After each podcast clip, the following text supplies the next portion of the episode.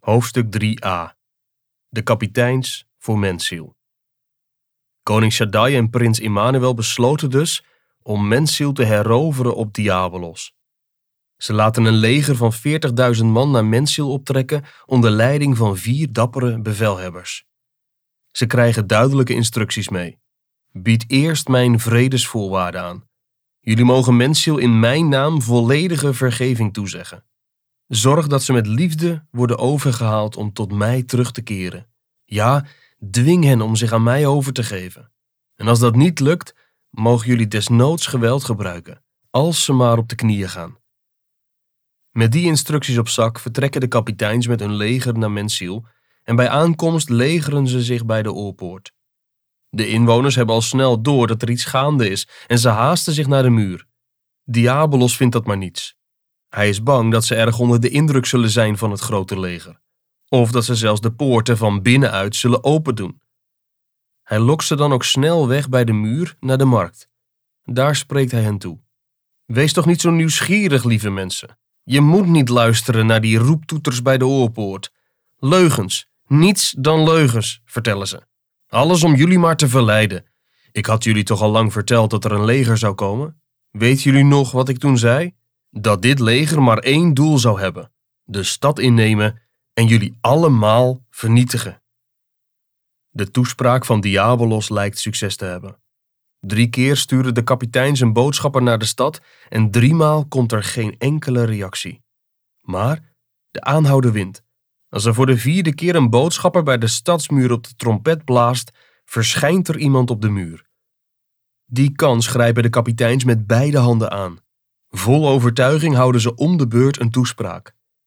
Ze brengen de belofte van Shaddai dat hij genadig zal zijn. Vol liefde probeert kapitein Overtuiging de burgers van Mensiel op andere gedachten te brengen. Grijp deze kans. Luister toch naar het aanbod van jullie echte koning, Shaddai. Laat dit aanbod niet glippen, anders moeten wij straks de stad met geweld innemen. En kapitein Oordeel sluit bij zijn boodschap aan. Als je nu deze genade niet grijpt, hoe zul je dan ontkomen? Geloof me, de bijl ligt al aan de wortel van de boom. Ondanks deze beklemmende woorden blijft de oorpoort gesloten. Reageert die ene persoon op de muur dan niet op de toespraken van de kapiteins? Jawel, maar als je weet wie het is, kun je zijn reactie wel raden. Het is meneer Ongeloof, de nieuwe burgemeester van Mensiel. Hij is de opvolger van burgemeester Vleeselijke Lust, maar geen haar beter. Vanaf de muur schreeuwt hij de kapiteins toe: Laat ons met rust, waar bemoeien jullie je mee? Wegwezen met die leugenpraatjes van jullie. Hebben de toespraken van de bevelhebber dan helemaal niets bereikt? Ja, toch wel. Maar wel precies wat de kapiteins niet wilden. Uit voorzorg laat Diabolos namelijk de wacht bij de oorpoort verdubbelen. Zestig soldaten uit het Dover-regiment melden zich onder leiding van kapitein Vooroordeel om de poort te verdedigen. Dat stelt Diabolos gerust. Een troepenmacht met zo'n naam kan niet eens luisteren naar de kapiteins buiten de stad. En als ze dan toch iets horen, zal de kapitein de woorden wel anders uitleggen. Praten heeft dus overduidelijk geen zin meer. De kapiteins schakelen door naar plan B. Ze zetten de aanval in en zo start de heilige oorlog. Uur na uur vallen de bevelhebbers de stad Mensiel aan. Ze tonen grote inzet en doorzettingsvermogen en stellen alles in het werk om de stad te heroveren.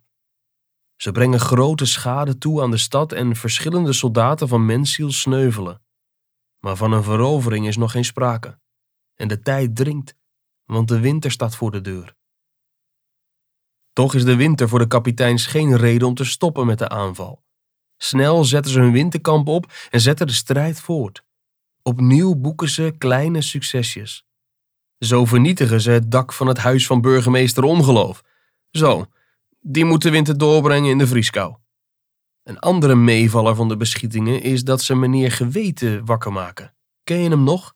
Met zijn lage stem spoorde hij de inwoners eerder al aan om terug te keren naar Shaddai. En ook nu laat hij van zich horen. Mensen, we gaan eraan. Is het niet vandaag dan wel morgen? Dit kan niet goed gaan. Maar de mensen luisteren niet. Ze haten zulk doemdenken, want het ondermijnt hun zelfvertrouwen. En daar moeten ze niets van hebben. Toch wordt het, stapje voor stapje, onrustig in mensziel. Het starten van de oorlog is niet het einde van het vredesaanbod van Shaddai. Te midden van de beschietingen blijven zijn boodschappers voor de poorten van mensziel verschijnen om met grote liefde en ernst de stad op te roepen tot overgave. Zeker nu de stad begint te wankelen, zijn er inwoners die willen onderhandelen. Als mensziel zijn eigen regering mag houden, zullen ze de poorten open doen. Maar de kapiteins zijn niet gek. Mensziel is helemaal niet in een positie om eisen te stellen. Bovendien, Shaddai heeft beloofd om het goed te maken met Mensziel. Met zo'n prachtige aanbod is onderhandelen toch niet nodig? Dus voor de laatste keer roepen de boodschappers naar de poorten: Geef jullie over. De inwoners van Mensziel beginnen nu echt te twijfelen. Snel grijpt Diabolos in. Weer houdt hij een toespraak in de stad. Lieve mensen, trap er niet in. Ik zeg jullie toch, dit is gewoon een valstrik. Denken jullie echt dat het zo makkelijk is? Dat Shaddai het even goed gaat maken? Wel nee, geloof me, hij zal jullie slaven maken of doden.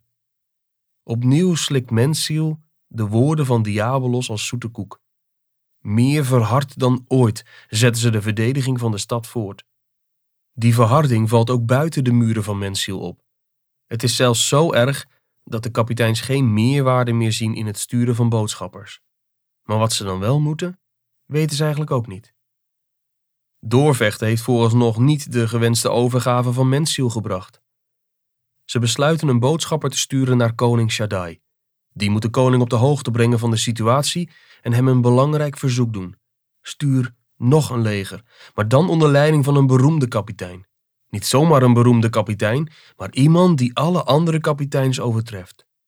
Nu is het afwachten hoe koning Shaddai zal reageren. Tot er een reactie komt, blijven de kapiteins mensziel aanvallen. Zo gunnen ze de stad geen moment rust.